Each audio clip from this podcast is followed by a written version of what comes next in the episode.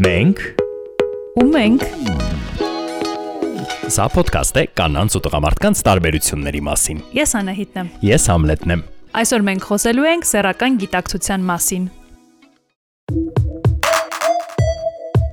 Հայաստանում սեռականության թեման տաբու թեմաներից մեկն է, որի մասին չեն խոսում։ Առհասարակ սեռականությունը կամ սեռական հարաբերությունների մասին խոսակցությունները հաճախ տանում են դեպի սանձարձակության մասին խոսակցություն։ Ծնողներին, ուսուցիչներին չեմ էլ քննադատում, հա, որ չեն խոսում այս թեմաների շուրջ։ Հավանականությունը, որ մարդիկ կունենան սեռական հարաբերություններ ավելի մեծ տարիքում, մեծանում է Սերական դաստիարակությունից խոսելը իրենց երեխաների մոտ առաջացնում է հետաքրքրություն։ Եթե մարդ ունենում է ինֆորմացիա, ինքը գիտակցում է, որ ինչքան ճիշտ մոտենամ սեռական զուգընկերոջ ընտրությանը, այնքան ավելի լավ։ Սերական կյանքը մեր առողջության կարևոր մասն է։ Սեռականությունը, սեռական հարաբերությունները, սեռական կյանք վարելը միայն ֆիզիկական բավարարվածություն չի տալիս մեզ, նաև տալիս է հոգեբանական բավարարվածություն։ Ինձ թվում է, որ այն թեման, որը մենք այսօր քննարկելու ենք, ձեզ համար շատ ավելի փակ ու բարդ թեմա է, քան տղամարդկանց համար։ Իրականում ես սրա հետ համաձայն եմ, տես, որ մենք ու մենքի կարծիքները երբեմն չեն կիսվում։ Ոչ միայն չեն կիսվում, այլև այս դեպքում ինձ թվում է, որ ձեզ համար ճափից դուրս բարդ է սեռական գիտակցության եւ ընդհանրապես սեռական կյանքի մասին ազատ խոսելը ու դա բերում է բազմաթիվ խնդիրների։ Համլետ նույնիսկ ոչ այնքան լայն շրջանակներում է դժվար խոսել խոսելը, մտերիմ մարդկանց հետ քննարկելը, ուր մնաց թե ռադիո եթերում։ Բայց չէ՞ որ ինչպես ցանկացած թեմայի դեպքում, այնպես էլ այս միջավայրը մտերիմների կողմից ստեղծված ազատ արտահայտվելու համար շատ կարևոր է։ Այո, եւ պատկերացրու, որ երբեմն ոչ այնքան մտերիմ, նույնիսկ անծանոթ մարդիկ կարող են քեզ համար ստեղծել միջավայր, որտեղ դու կարող ես քեզ հետաքրքրող հարցերը տալ եւ ստանալ գրագետ պատասխաններ։ Այ այս տեսակ վլոգ ունի այսօրվա իմ զրուցակից Մոնիկա Հովանեսյանը, որը կարծում է, որ մենք ունենք գրագիտության պակաս, սեռական բարձր գիտակցության հասնելու ճանապարհին։ Մոնիկա։ Այո։ Հիմա, երբ մենք ապրում ենք 21-րդ դարում, թվում է թե սերակրթության, սերական հարաբերությունների մասին մեր պատկերացումները բավական փոխվել են, այսինքն երիտասարդները մի քիչ ազատ են ավելի ապրում, շփվում եւ տաբուներից են կարծես ազատվում։ Այդպես է թե ոչ։ Մի քիչ համաձայն եմ, մի քիչ ոչ իրականում, որովհետև մի մասը, այո, եթե խոսում ենք միայն Երևանի մասին կամ եթե խոսում ենք զարգացած քաղաքների մասին, օրինակ նաև Գյումրի, միգուցե այս բնդումը մի քիչ ավելի մոտ է իրականությանը, չնայած չնայած ամեն դեպքում այս բնդումը ինձ թվում է այդքան իրական չի, որովհետև հաշվի առնելով հիմիկվա իմ գործունեությունը ու այն հարցումները, հարցադրումները, որոնք ես ստանում եմ, մի քիչ կասկածում եմ, որ այդ տաբուները արդեն դուրս եկած են բավականին։ Ինչ տեսակ հարցեր եք օրինակ ստանում։ Դե տարբեր բնույթի հարցեր, հիմնականում սարական ու վարտադրողական առողջությանը վերաբերվող, բայց ավելի շատ հարցնում են աղջիկները թե տղաները։ Այ, այստեղ շատ հետաքրքիր բան է առաջ գալիս, որովհետև ավելի շատ հարցնում են տղաները, քան աղջիկները։ Օհո, այսա չէի սպասում։ Այո, այո, ու իմ աուդիտորիայի մեծ մասը հիմնականում տղա տղաներն են, չնայած վարիացիան տարբերակախված YouTube-ից ու Instagram-ից, Instagram-ում հիմնականում աղջիկներն են, YouTube-ում հիմնականում տղաները։ Իսկ թվում է, որովհետև մենք սովորաբար հենց լսում ենք սեռական արտահայտությունը, արդեն էս ամոթ բան է եւ սրա հետևից գնալը նույնիսկ աղջիկները կարող են չհետևել, բայց թաքուն նայել, իսկ տղաները այդպես իրենց հետաքրքիր է եւ հաստատ կգնան սրա հետևից ինֆորմացիա։ Շատ չեմ հավատում այդ անալիտիկային, որովհետև հաշվի առնելով, այս դեպքում հաստատ, հա, որովհետև հաշվի առնելով, որ վիդեոներ կան, որոնք 18+ պլյուս են, ենթադրում որ շատ մարդիկ իրենց ակաունտներով չեն նայում, հետեւաբար անալիտիկայի վրա հիմնվելը մի քիչ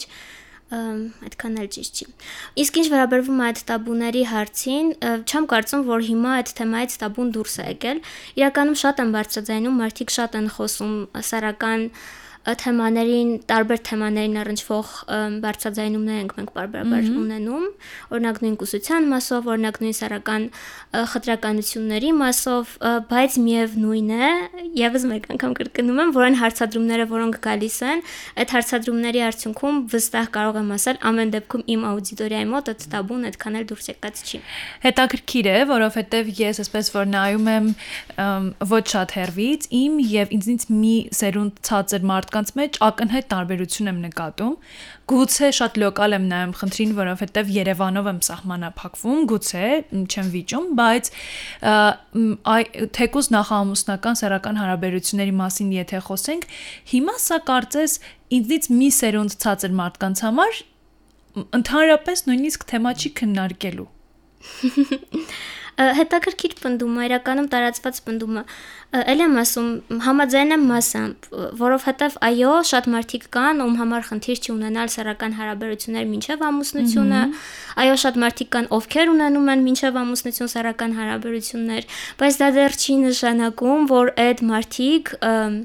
դա անում են առանց տաբուի զգացողության, որովհետև շատ հաճախ բայց անում են, չէ։ Անում են, հա, բայց եթե անում ես թաքնված, այսինքն եթե անում ես մի բան ամոթի ներքո, անում ես մի բան, որ հանկարծ հանկարծ կողքի մարդիկ չիմանան, հանկարծ չգիտեմ, ընկերները չիմանան, հանկարծ բարեկամները չիմանան եւ այլն, սա արդեն խոսում է նրա մասին, որ լուրջ խնդիր կա։ Բայց մի անգամ եմ կրկնում, որ Երևանում միանշանակ այս խնդիրը այդքան լուրջ չի դրված, ինչքան դրված է մարզերում որովհետև մարզերում ինձ թվում մարզերում ավելի շատ դրված է թակունի խնդիրը, ոչ թե խնդիրը ունենալ հարաբերություններ, թե ոչ։ Ես այդպես եմ տեսնում գոնե։ Համաձայն եմ։ Խոսում ենք սեռական գիտակցության փոփոխությունների վարիացիաների մասին եւ իրականում դա շատ բազմազան խնդիրներ է իր մեջ ներառում, սա միայն իհարկե նախամուսնական կապը չի, միայն կրթության պակասը չի, բազմաթիվ բազմաթիվ խնդիրներ կան, ու այստեղ ես մտածում եմ, եթե նույնիսկ մեր գիտակցությունը քիչ-քիչ փոխվում է, եթե մենք քիչ-քիչ սկսում ենք այդ կլիշեներից ազատվել, միևնույնն է, մենք ունենում ենք այստեղ ազատության սահմանների ինչ որ լղոզված պատկեր, որովհետև մենք երբեմն դառնում ենք սանցարցակ եւ սրանով ասում ենք, որ ես ազատ եմ եւ չունեմ տաբուներ։ Այստեղ երևի պետքա շատ խոսել են բանի մասին, որ առհասարակ սեռականությունը կամ սեռական հարաբերությունների մասին խոսակցությունները միշտ լավ չասեմ միշտ, որովհետև չեմ սիրում ուրճացված բաներ, բայց շատ հաճախ տանում են դեպի սանձարցակության մասին խոսակցություններին։ Ոչ եւ կրկին ոչ։ Սարական հարաբերությունները։ Ես ուրախ եմ իրականում, որ սադրում եք ու ուրախ եմ, որ այս թեման բարձրացնում է, որովհետև հիմնական ասոցիացիան հենց է դա լինում։ Ու ուզում եմ խոսալ սրա մասին, որ այս ասոցիացիան բավականին Հիմա որ ասեմ գնահատական կտամ, բայց ըստիս բավականին սխալական ասոցիացիա է, այն իմաստով, որ եթե մենք խոսում ենք սարական գիտակցված կյանք վարելու,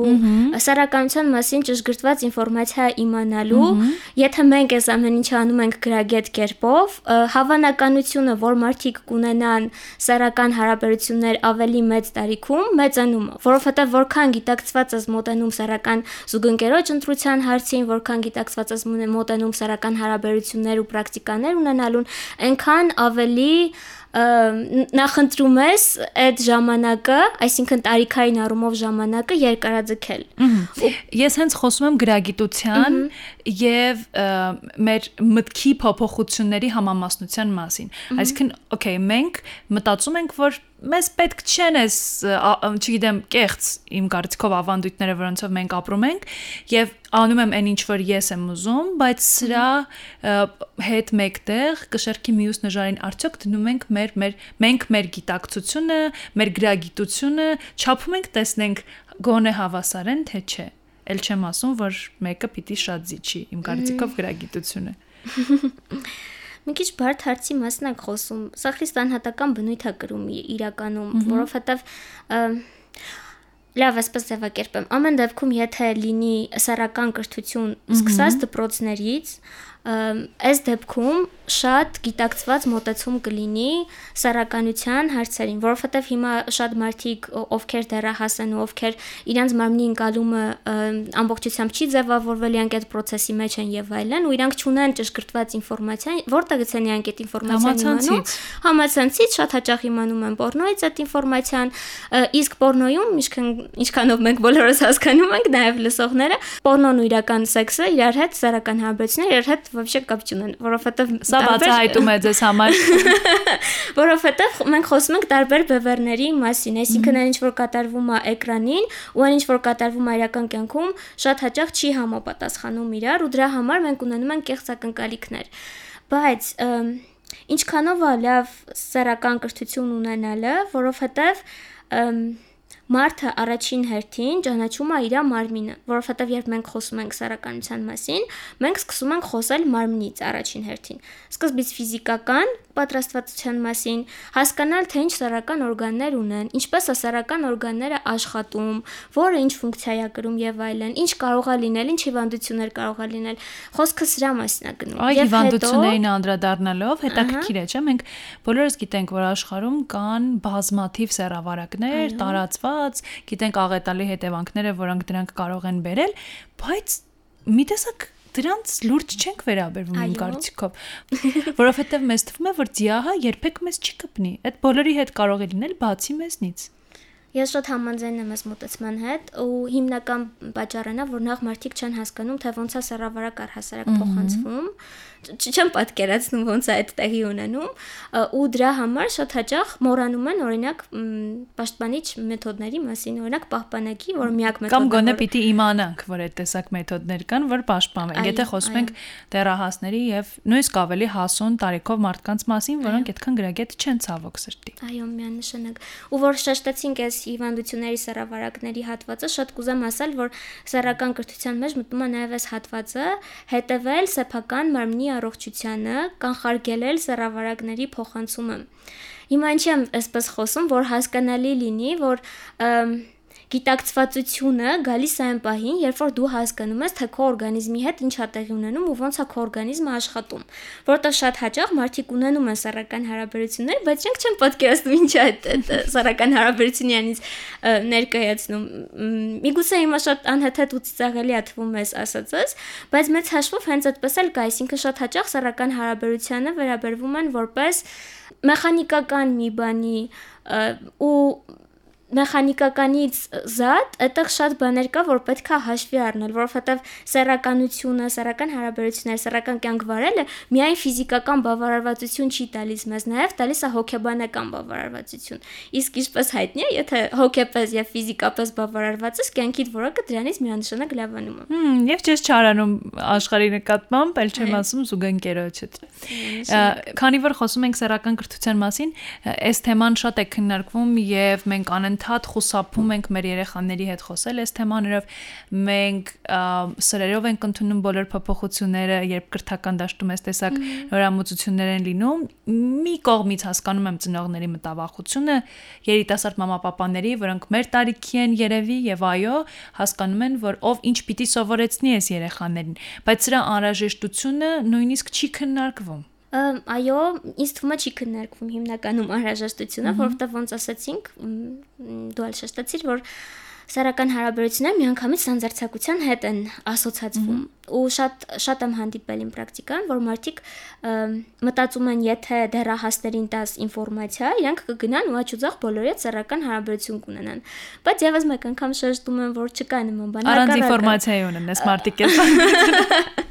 Հակառակը, եթե մարդ ունենում է ինֆորմացիա, ինքը գիտակցում է, որ ինչքան ուշ ունենամ սեռական հարաբերություն, ինչքան ճիշտ մոտենամ սեռական զուգընկերոջ ընտրությանը, այնքան ավելի լավ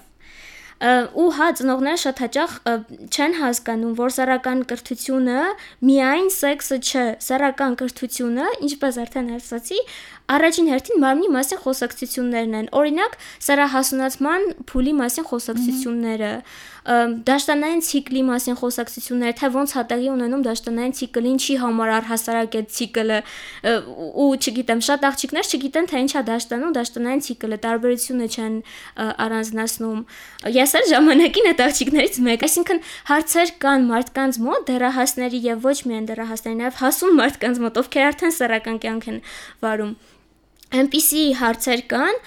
որոնց բացը գալիս է հենց սեռական կրթության բացակայության բացից։ Այսինքն, եթե դպրոցում, եթե համասարանում լինի սեռական կրթություն, մարդիկ այս ինֆորմացիայի բացը չեն ունենա։ Ու մարդիկ կիմանան այդ ամեն ինչը ժամանակին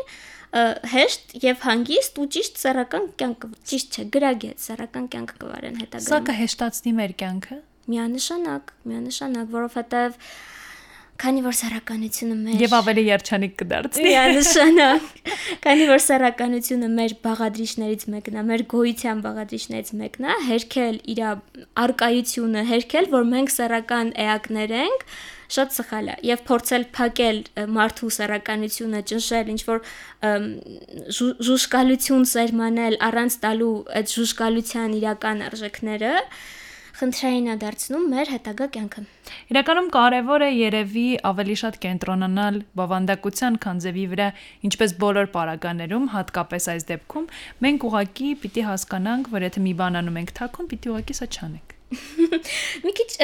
չգիտեմ, մեծ բնդման հետ որքանով համաձայնվեմ, որքանով չէ։ Ուղղակի ասեմ, որ մարդիկ տարբեր են, մարդկանց նախընտրությունները տարբեր է, ու ոնց որ չեմ ուզում գնահատական տալ են մարդկանց, ովքեր թաքուն են անում, որովհետև միգուցե շատ պատճառներ ունեն այդպես վարվելու, օրինակ ունեն սեռական ցանկություն, բայց չունեն հնարավորություն սեռական կյանք վարելու բացահայտ ու ստիպված անում են թաքուն։ Ոնց որ չեմ ուզում գնահատական տալ, որովհետև մարդկանց անցած ճանապարհը շատ տարբեր է լինում, բայց ուզում եմ հորդորել մարդկանց, որ եթե ունեք հետաքրքրվածություն, սկսեք գոնե ձեր մարմնի բացահայտման process-ից, սկսել դրանից իմ խորհուրդն է։ Հետո արդեն աստիճանաբար Հետո արդեն նայել YouTube-յան ալիքը եւ եթե հարցեր լինեն, այո, այո։ Եվ եթե հարցեր լինեն, անպայման գրել Մոնիկային։ Այո։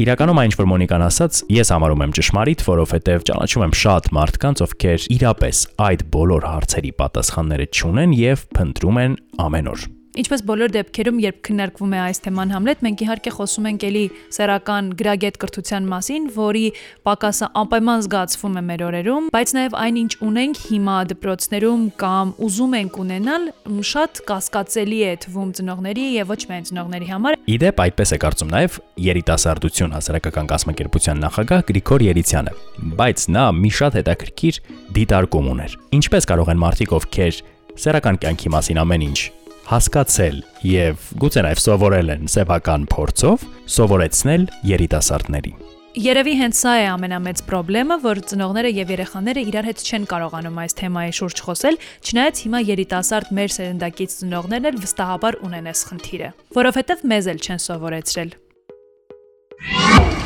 Գրիգոր, սկես որքանով ենք մենք սեռական իմաստով գիտակից որպես երիտասարդներ։ Կարծում եմ, որ երիտասարդներից շրջանում առհասարակ Հայաստանում սեռականության թեման տաբու թեմաներից մեկն է, որի մասին չեն խոսում ծնողները, չեն խոսում ուսուցիչները, ոչ ոք չի խոսում։ Այսինքն հույս ունենք, որ ինչ որ մի տեղից երիտասարդը կամ պատանին դեռահասը պետքա դրա մասին իմանա սովորաբար փողոցից կամ ինտերնետից հիմա կամ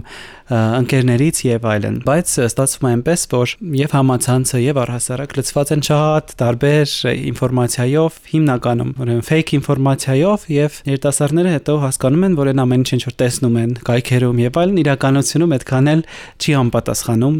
իրականությանը եւ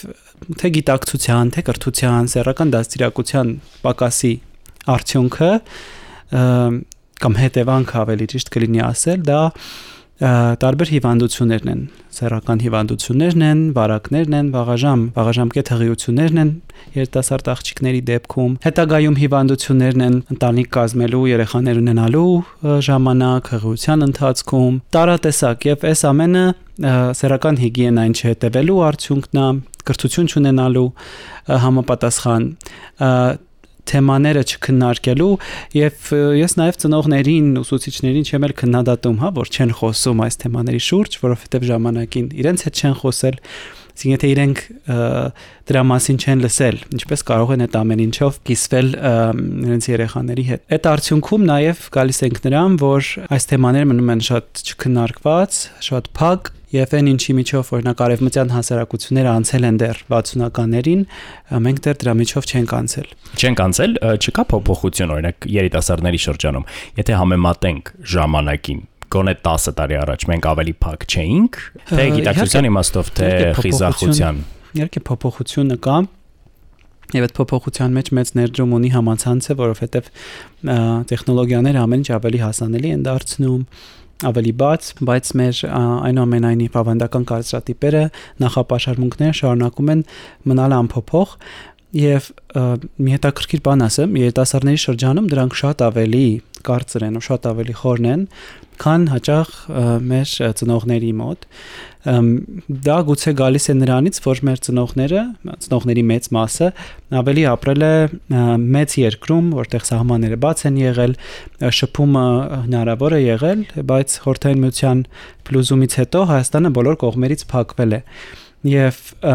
այս առումով թե ինֆորմացիոն բլոկադա է եղել, թե առհասարակ մեր սերունդը մեծացել է ավելի փակ միջավայրում, առանց տեսնելու այլ մշակույթներ, այլ կրոններ, այլ ավանդույթներ եւ այդ առումով մենք ունենք մեր մշակութային դիմագիծը, շատ հաճախ այդպես են ասում, հա չգիտեմ ինչքանով է դա մեր մշակութային դիմագիծը, որովհետև վերջին 30 տարիներին ըստիս մենք դեգրադացվել ենք ավելի շատ, քան զարգացել ենք։ Մինչդեռ շատ այլ երկրներում այլ տենդենսներ կան, երկրները գնում են դեպի քրթական համակարգի բարելավում, դեպի զարգացում, տեխնոլոգիական աճ, մեր երկրում այդ բոլոր ոլորտները չեն զարգացել եւ հակառակը կարող եմ ասել, որ դեգրադացվել են հանրակրթությունից սկսած մինչև բարձրագույն կրթություն, ել չեմ ասում, որ մեր երկրում գոյություն ունի սեռական դաստիարակություն կոչվածը եւ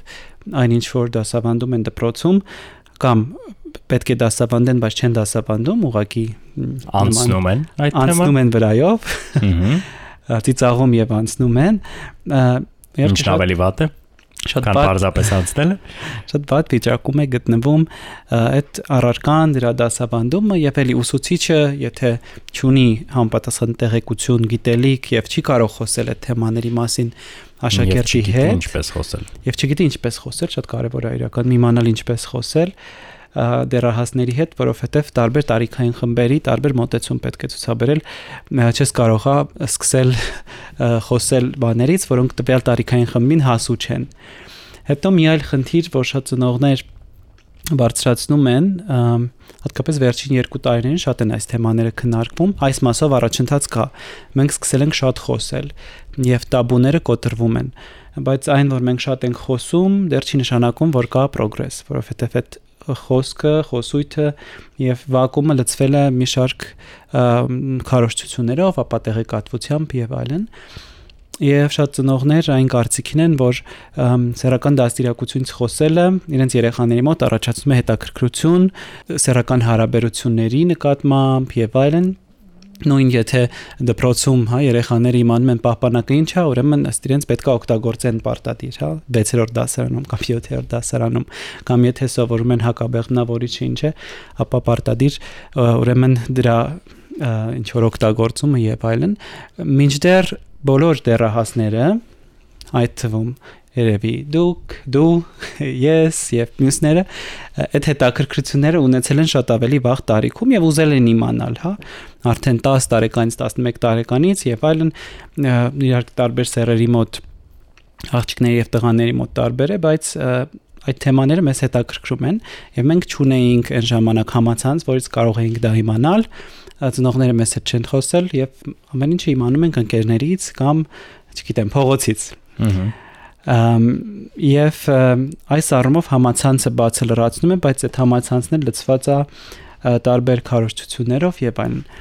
Մինչդեռ այդ նույն ծնողները, երբ որ իրենց երեխան 16 տարեկանում հղիանում է կամ ձեռք է բերում հիվանդություն, չգիտեմ, մեղադրում են տարբեր, ուրեմն այլ պետությանը, դպրոցին եւ այլն, մինչդեռ իրենք իրենց առաջնային ֆունկցիան չեն կատարել, չեն խոսել երեխայի հետ դրա մասին։ Բացի վերարտադրողական առողջությունից, որի մասին չեն խոսում, նաև առհասարակ հիգիենայի մասին չեն խոսում, որովհետեւ սեռական հիգիենան պահելը նույնպես շատ կարևոր է։ Ու ընդհանրապես, ինչքան էլ չխոսենք այս թեմայի մասին, ինքը տաբու լինի եւ այլն, բայց սեռական կյանքը մեր առողջության կարևոր մասն է ակտիվ սեռական կյանքը ավելի առողջ լինելու կարևոր մասն է եւ դրա մասին ուղղակի չխոսել, չիմանալ ամենատարական մանր մանուկները եւ այլն, որոնք առողջության հետ են կապված, իմ կարծիքով սխալ է։ Իգոր, մենք ապրում ենք շատ սեռականացված աշխարհում, հա, ամենուր, համացանցում, ընդհանրապես մեր կյանքը կարող ենք համարել, որ անդադ ինչ որ ֆիզիկական ցանկությունների դրանց բավարարման եւ խնդիրը կամ հարցը միայն սեռական կյանքին չի վերաբերում ընդհանրապես ցանկությունների եւ դրանց բավարարման ինչ որ շղթայում ենք ապրում եւ դա մեր հասարակարգն է այն աշխարհն է որում ապրում ենք Արդյոք ճապից դուրս ինֆորմացվածությունը կամ հասանելիությունը ամեն ինչի, որ այսօր տվել է մեզ համացանցը, եւ ընդհանուր առմամբ ամբողջ կոնտենտը, որը կա ու որը սեռականացված է, չի առաջացնում հավելյալ խնդիրներ այդ ազատության սահմանը երբեմն չճանաչելու առումով եւ արդյոք դրա լուծումը եւս կրթության մեջ է ազատության սահմանը կարծում եմ յուրաքանչյուրը որոշում է իր համար իհարկե խոսքը նրա մասին չէ, որ, չգիտեմ, հանցագործությունների եւ այլնի մասին չէ, բայց իր սեռական ազատության, սեռականության եւ այդ որոշումները շատ անձնական են, նեղ անձնական են։ Չնայած ասում ենք, որ մեր երկրում այս թեմաները տաբուի տակ են, այնուամենայնիվ մեր հանրությունը գտնվում է յուրաքանչյուրի անկողնում եւ ցանկանում է իմանալ ամեն ինչ։ Այսինքն միևնույն ժամանակ շատ մեծ հետաքրքրություն կա յուրաքանչյուրի անձնական կյանքի նկատմամբ։ Մյուս կողմից համաձայն եմ, որ ամեն ինչ սեռականացված է եւ օբյեկտավորված, այսինքն նաեւ ինֆորմացիան շատ հասանելի է համացանցի միջոցով եւ դա ինչ որ լրացուցիչ խնդիրներ ստեղծում է բայց էլի կրթությունը եւ ինֆորմացիան դրանք ուժեն եւ օգնում են որպեսի մարդիկ իրազեկ լինեն եւ գրագետ լինեն։ Այսինքն ես այդպես շատ ինֆորմացիայի խնդիր չեմ տեսնում, եթե մարդը չափահաս է, իմ կարծիքով յուրաքանչյուր ինֆորմացիա պետք է իր համար բաց լինի եւ ուրիշ հարց, որ մենք մի այլ խնդիր ունենք դերահասների, անչափահասների շրջանում օրինակ սեռական ոտնձգությունները համացանցի միջոցով, որոնց չեն կարողանում շատերը դիմակայել, որովհետև մեդիա գրագետ չեն, սեռական շահագործումը, երեխաների նկատմամբ կլինի ուսուցչի կողմից, կլինի, չգիտեմ, ծնողի կողմից, ընտանիքի անդամի կողմից։ Իհարկե շատ ված բան եմ ասում, բայց սրանք երևույթներ են, որոնք մեր հանրության մեջ նույնպես կան։ Ուզենք թե չուզենք։ Ուզենք թե չուզենք, բոլոր տեղերում կան եւ մենք հաճախ մտածում ենք մեր մոտ շատ քիչ են կամ հատուկ կենտ են, բայց նման դեպքեր նույնպես կան։ Ոչ թե նույնպես կան, այլ պատկերը շատ հնարավոր է որ չի զիջում աշխարհին։ Այո, մեր բնակչության համամասնությամբ կարծում եմ չի զիջում, պարզապես մեզ մոտ այդ ամենի մասին լռում են։ Անկամ դեպքեր, որոնք արդեն հանցագործության դեպքեր են, նույն շահագործում, սեռական բռնաբարություն եւ այլն, դրանց մասին նույնպես ընտանիքը օրինակ նախընտրում է չխոսել, չդիմել իրավապահ մարմիններին եւ այդ հոգեկան տրավմայի մեջ իրենց երեխաներին թողնել ինչը նույնպես ճիշտ չէ մասնագետի չեն դիմում եւ այլն եւ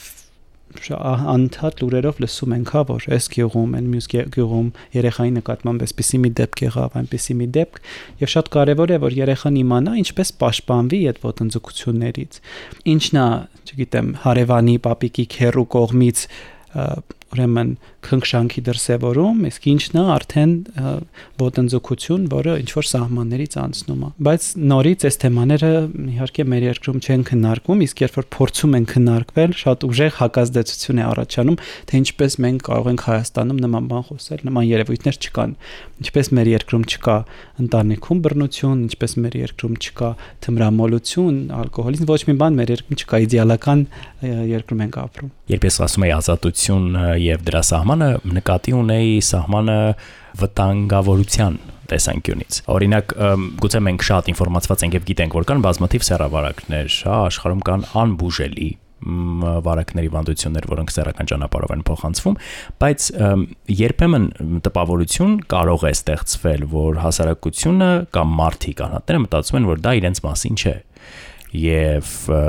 նույն այդ սեռավարակը երբեք իրենց չի այցելելու կարծում եմ, որ դա նույնպես չկրթվածության ու մի քիչ էլ տգիտության նշան է եւ երբ որ այդ վարակը կամ այդ հիվանդությունը այցելի մարդուն այդ ժամանակ մի շարք խնդիրներ կլինեն, բայց մարդիկ նաև այդ կուլտուրան չունեն, մշակույթ չունեն, օրինակ որոշակի ժամանակը մեկ բժշկի այցելելու եւ իմանալու արդյոք իրենք խնդիրներ ունեն թե չունեն։ Մեր երկրում տարածված մի երևույթ կա, որ թե կանայք թե տղամարդիկ բժշկի այցելում են այդ առումով, երբ որ պատրաստվում են ընտանիք կազմել, որովհետեւ իրանան իմանան իրան կարող են ընտանիք կազմել, երեխա ունենալ եւ այլն։ Հանկարծ մի բան չլինի, իսկ ինչ վերաբերում է parzapes օրինակ մարդկանց ում հետ իրենք սեռական հարաբերություններ ունենում, դա կարևոր չէ։ Բայց հատկապես որ կանանց դեպքում դա լինում է ավելի շատ արդյոք իրենք առողջ երեխա կարող են ունենալ եւ այլն, որովհետեւ ի սկզբանե դրամբանության մեջ եւ հայկական այդ գաղափարախոսության մեջ իրենց առաջին տղամարդը լինելու է այն մարդում հետ ամուսնանալու են։ Տղամարդու դեպքում ավելի շատ, քանի որ բազմաթիվ գործընկերներ ունեցել են, ստուգում են թե արդյոք չեն վնասելու իրենց ապագա կնոջ հետ սերավարակների իրենց բույլով, որ ունեն կամ չունեն, չգիտեմ։ Ընդհանրապես սեռական դաստիարակության այս ոլորտը շատ գենդերային ասպեկտ ունի, որովհետեւ տղամարդկանց դեպքում շատ այլ ուրիշ կոնտեքստում են քննարկում, որովհետև տղամարդկանց երական կյանք ամեն դեպքում Հայաստանում եւ աշխարհում ամենուր ավելի ազատ է թույլատրված տաբուներից դուրս եւ միայն օրինակ եթե տղամարդը ունի շատ զուգընկերներ, չգիտեմ, 10, 20, 30, 40 դա միայն որպես արժեք է դիտարկվում, կնոջ դեպքում դիտարկվում է որպես թերություն, չածվածության նշան, վատ երևույթ եւ այլն։ Ընդհանրապես, թե ինչպես ենք մենք երեխաներին դաստիարակում փոքրուց, այդ տարբեր դերերով, թե ինչպես ենք հետագայում ինֆորմացիան հասանել դարձնում տարբեր ուրեմն սերերին դա նույնպես հետա բավականին հետաքրքիր է եւ Չնայած դրան եւ տղամարդիկ եւ կանայք մեր երկրում հավասարապես կարծում եմ անտեղյակ են ուրեմն այս երևույթներից, բայց տղամարդկան շրջանում ավելի շատ քննարկում կա, ավելի շատ փորձի փոխանակում կա գուցե չգիտեմ մինչդեռ կանանց մինչդեռ կանայք ամեն դեպքում խուսափում են այս թեմաները քննարկելուց, որովհետև հանդրությունը դա համարում է ոչ պատշաճ կանանց համար, անբարոյական գուցե եւ այլն եւ այլ պիտակներ։ Գրիգոր կուզենայիր ապրել մի աշխարհում կամ մի Հայաստանում մեր մասին խոսենք հավելային դեպս, որտեղ մարդիկ կլինեին այնքան ինֆորմացված եւ գրագետ այդ առումով, որ ամեն սեռական հարաբերությունից առաջ կպահանջեին վերջին բժշկական հետազոտությունները, օրինակ իրենց զուգընկերոջից։ Ես կարծում եմ դա մի քիչ ծայրահեղականացված մոտեցում է, որովհետեւ ի վերջո նաև մտեր, մտերմությունը վստահության նշան է ինչ որ առումով եւ չգիտեմ կարծում եմ պետք է վստահել բայց նաև պաշտպանվել ինչպես հարկն է հարկն է եւ դրանից չխուսափել Անընդհատ մտածում եմ, տեսնես կգա մի օր, որ մենք ընդհանրապես այս տեսակ թեմաները քննարկման առարկա չսարքենք։ Սրանք լինեն նորմալ երևույթներ, որոնց մասին կխոսենք սովորական միջավայրում եւ ընդունված ու հասկացված կլինենք։ Երևի թե դրա համար մենք պիտի նախ ինքներս ունենանք խիզախություն, ազատ կամ արտահայտման։